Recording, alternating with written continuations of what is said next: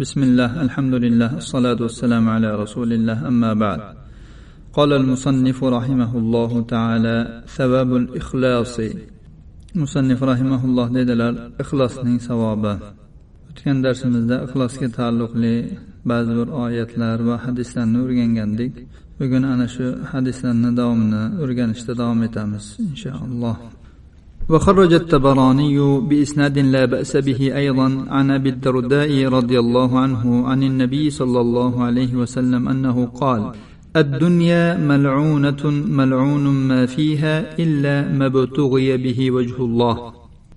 إمام تبراني أبو الدرداء رضي الله عنه رواية قلد النبي صلى الله عليه وسلم dedilar dunyo la'natlangandir va undagi narsalarning barchasi ham la'natlangandir. Faqat u bilan allohni yuzi umid qilingan istalgan narsagina bundan mustasnodir.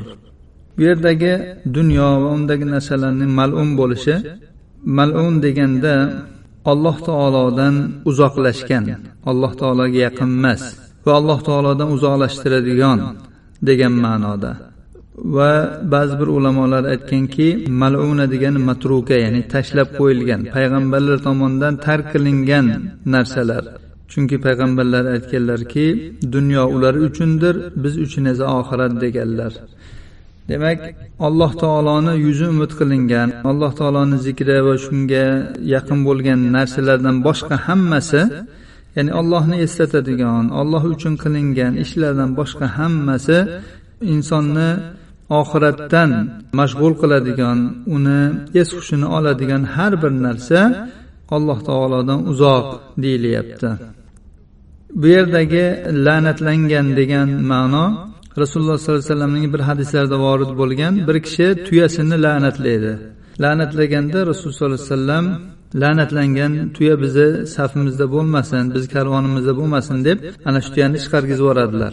Ya'ni bu u ma'nodagi la'natlash emas ya'ni shaytonga o'xshab la'natlangan degan ma'noda emas bu ya'ni alloh taolodan mashg'ul qiladigan undan uzoqlashtiradigan degan ma'noda vallohu alam ulamolar bu hadisning sharhida shunday deganlar ushbu hadisga sahih targ'ibot tarhibda to'qqizinchi raqam ostida hasanul lig'oyrihi deb hukm qilingan وعن ابي امامه رضي الله عنه قال جاء رجل الى رسول الله صلى الله عليه وسلم فقال أرأيت رجلا غزا يلتمس الأجر والذكر ما له فقال رسول الله صلى الله عليه وسلم لا شيء له فأعادها ثلاث مرار ويقول رسول الله صلى الله عليه وسلم لا شيء له.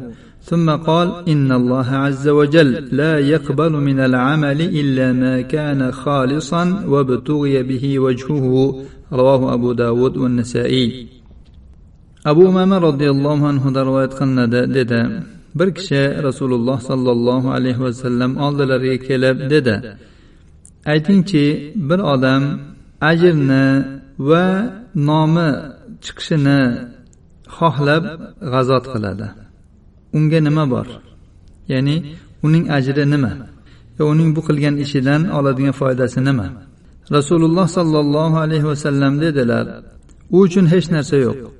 Haligi odam bu savolni uch marotaba takrorladi. Rasululloh sollallohu alayhi vasallam har safar u uchun hech narsa yo'q derdilar. So'ngra u zot dedilarki alloh azza va jalla amallardan faqat xolis bo'lgani va u bilan uning yuzi umid qilingani u bilan uning yuzi istalganinigina qabul qiladi. Abu dovud va nasoiy rivoyatlari sahih targ'ibot tarhibda sakkizinchi raqam ostida hasan deb hukm qilingan. Imom buxoriy va muslim ibn umar roziyallohu anhudan rivoyat qilgan uzun uchta odamning qissasi zikr qilingan hadisni bir ko'rinishi yana ushbu bobda keltirilmoqda. Uni ma'nosini aytish bilan kifoyalanamiz. Ibn umar roziyallohu anhudan rivoyat qilinadi. Dedilar rasululloh sollallohu alayhi vasallamni shunday deyayotganlarini eshitdim. Sizlardan avval o'tgan qavmlardan uch kishi yo'lga chiqishdi. Yo'lda ular bir g'or ichida tunashga majbur bo'lishdi. Ular g'orga kirdilar. G'orga kirgan paytlarida tog'dan bir tosh dumalab tushib ular turgan g'orning og'zini berkitib qo'ydi. Ular aytdilarki sizlarni mana bu toshdan faqat alloh taologa qilgan amallaringizni yaxshisi bilan duo qilishingizgina qutqarishi mumkin.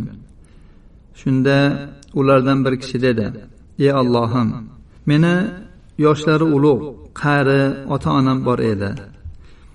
Men kechki ovqatni ulardan oldin na bola chaqamga na qul xizmatkorlarimga berardim. Kunlarning birida bir daraxtni kesish meni kechiktirib qo'ydi. Men ota onamning oldilariga qaytgan paytimda ular uxlab qolgan ekanlar. Men ular ichadigan sutni sog'ib keldim. Ularni uxlagan hollarida topdim. Men ulardan oldin na bola chaqamga va na qul va xizmatkorlarimga bu sutdan berishni karih ko'rdim. Men ularning oldilarida qadahni qo'limda tutganimcha ularning uyg'onishlarini kutib turdim. Shu turishimda tong otib ketdi. Bir rivoyatda kelganki yosh go'daklarim oyoqlarim oldida ochlikdan chinqirashardi. Ota onam uyg'ondilar va sutlarimni ichdilar.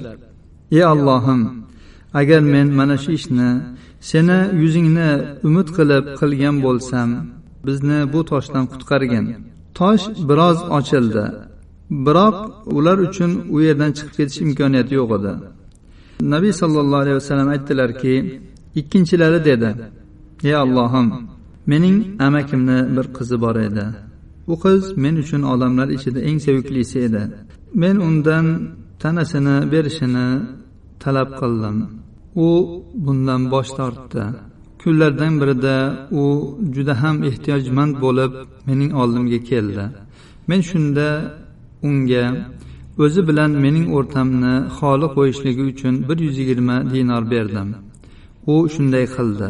Men unga qodir bo'lgan paytimda u aytdiki men senga bu ishni faqat halol yo'li bilan qilishingni aytaman. Men unga yaqinlik qilishdan juda ham harajlandim va uning ustidan turib ketdim. Holbuki u men uchun odamlarning eng seviklisi edi. Men unga bergan tillolarimni ham qoldirib ketdim. Allohim agar men mana shu ishni sening yuzingni umid qilib qilgan bo'lsam bizni mana shu holatimizdan qutqar.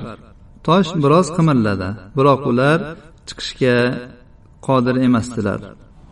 Nabiy sollallohu alayhi vasallam dedilar uchinchilari dedi ey allohim men bir nechta mardikorlarni olib kelib ishlatdim.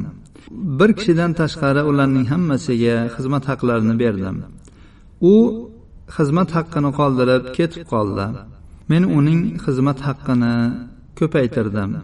Undan juda ham ko'p mollar hosil bo'ldi. U ancha vaqtdan keyin mening oldimga keldi va aytdiki ey abdulloh ey allohning bandasi menga xizmat haqqimni ber.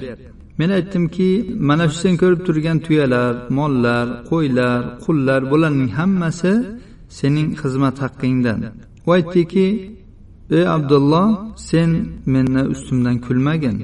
Men aytdimki men seni ustingdan kulmayapman men seni masxara qilmayapman. U odam ana shu mollarning hammasini olib ketdi. Undan biror narsani qoldirmadi. Ey allohim agar men mana shu ishni seni yuzingni istab qilgan bo'lsam bizni turgan holatimizdan qutultir. Tosh ochilib ketdi. Ular yurib chiqib ketdilar. Demak ixlos amallarni qabul bo'lishidagi muhim shartlardan biri ekan. Alloh subhanahu va taolo amallardan faqat o'zi uchun xolis qilinganligina qabul qilar ekan. Modomiki shunday ekan inson arzimagan foyda ham ziyon ham berolmaydigan insonlar oldida riyo qilib suma qilib amallarni habada qilgandan ko'ra ulug' alloh subhanahu va taoloni xolis yuzi uchun uning roziligi uchun ixlos bilan amal qilish kerak ekan. Amallar qabul bo'lishidagi ikkinchi shart rasululloh sollallohu alayhi vasallamning sunnatlariga muvofiq bo'lishidir. Alloh subhanahu va taolo barchalarimizni xolislik bilan amal qilishimizga muvaffaq aylasin. Babu sifati dari savob savob hovlisining sifati haqidagi bob. Alloh subhanahu va taolo tavba surasi yigirma bir va yigirma ikkinchi oyatlarida dedi. Robbilari ularga o'z tarafidan rahmat va rizolik hamda ular uchun bo'ladigan jannatlar xushxabarini berurki u jannatlarda doimiy ne'matlar bordir. Ular o'sha joylarda abadiy qoladilar. Darhaqiqat faqat allohning huzuridagina ulug' ajr bordir. Hijr surasi qirq beshinchidan qirq sakkizinchigacha bo'lgan oyatlarda alloh taolo dedi. Taqvodorlar esa bog'lar va chashmalar ustidadirlar. Ularga jannatlarga tinchlik bilan sog' omon kiringlar deyiladi. Biz jannatlardagi so'rilarda birodar bo'lib bir birlariga ro'baro o'tirgan zotlarning dillaridagi har qanday gina kuduratlarni chiqarib tashladik. U joyda ularga biron charchoq yetmas va ular u joydan chiqarilmaydilar ham.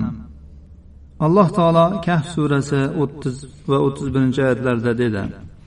Iymon keltirgan va yaxshi amallar qilganlar esa shak shubhasiz biz ular kabi chiroyli amallar qilgan kishilarning ajr mukofotini zoya qilmaymiz. Ular uchun ostlaridan daryolar oqib turadigan abadiy jannatlar bor bo'lib ular u joyda oltindan bo'lgan bilakuzuklar bilan bezanadilar va ipak shoyilardan bo'lgan yashnab turuvchi liboslar kiyib so'rilarda yastanib o'tiradilar. Naqadar yaxshi mukofot bu naqadar go'zal joy u. alloh taolo sod surasi qirq to'qqizinchidan ellik to'rtinchigacha bo'lgan oyatlarda shunday dedi. Shak shubhasiz taqvodor zotlar uchun go'zal oqibat. Ular uchun barcha darvozalari lang ochiq mangu jannatlar bordir. Ular u joylardagi so'rilarda yastanib o'tirib mo'l ko'l ya'ni xohlaganlaricha meva cheva va sharob chaqirurlar va ularning oldilarida ko'zlarini o'z erlaridan boshqaga boqishdan saqlaydigan yosh va husnda tengdosh qizlar bo'lur. Bu zikr qilingan narsalar sizlarga qiyomat kuni uchun va'da qilinadigan narsalardir. Shak shubhasiz bu bizning jannat ahliga ato etadigan rizq ro'zimizdirki uning uchun tugab qolish va uzilish bo'lmas. Alloh taolo duxon surasi ellik birinchidan ellik yettinchigacha bo'lgan oyatlarda dedi. Albatta taqvodor zotlar u kunda osoyishta joyda bog'lar va chashmalar uzra bo'ladilar. Ular bir birlariga ro'baro bo'lgan hollarida ipak shoyilardan liboslar kiyib o'tiradilar. Mana shunday yana biz ularga ohu ko'z hurlarni juft halol qilib qo'ygandirmiz. Ular u joyda tinch xotirjam bo'lgan hollarida xizmatkorlardan barcha meva chevani chaqirurlar.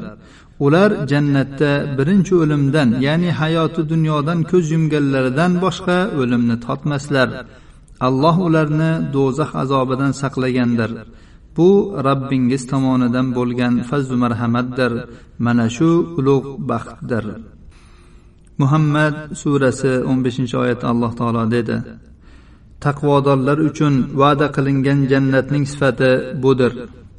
Unda aynimagan suvdan bo'lgan daryolar ham ta'mi o'zgarmagan sutdan bo'lgan daryolar ham ichuvchilar uchun lazzatli ya'ni badtam va aqldan ozdiruvchi bo'lmagan maydan bo'lgan daryolar ham musaffo asaldan bo'lgan daryolar ham bordir. Ular uchun u joyda barcha mevalardan bor. Va ular uchun robbilari tomonidan mag'firat bordir.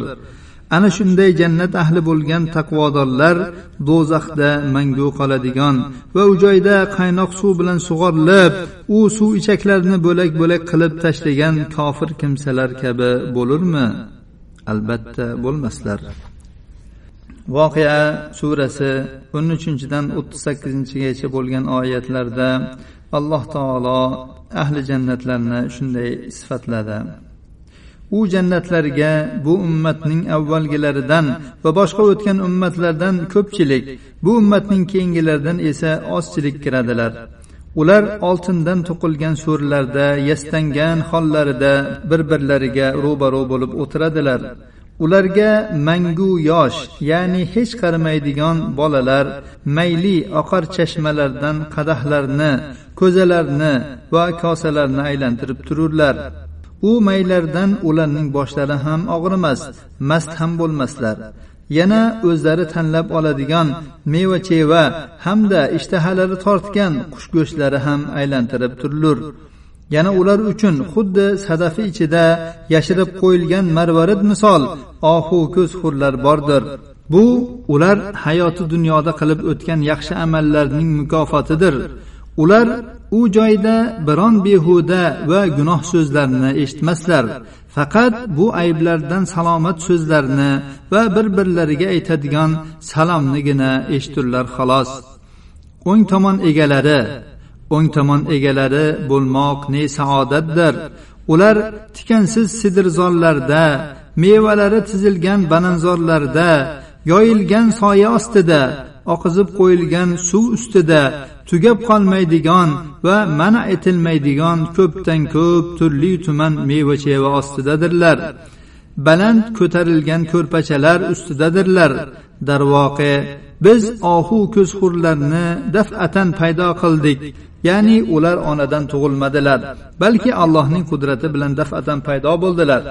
So'ng ularni o'ng tomon egalari uchun yoshda ham husni jamol va qaddi qomatda ham bir biriga teng ehtirosli bokira qizlar qilib qo'ydik. Alloh subhanahu va taolo barchalarimizni voqea surasida aytilgan avvalgilar qatorida qilsin. Va barchalarimizni firdavs jannatidan nasibador aylasin. Hada va sallallohu ala nabiyina muhammad va ala alihi va sahbihi vasallam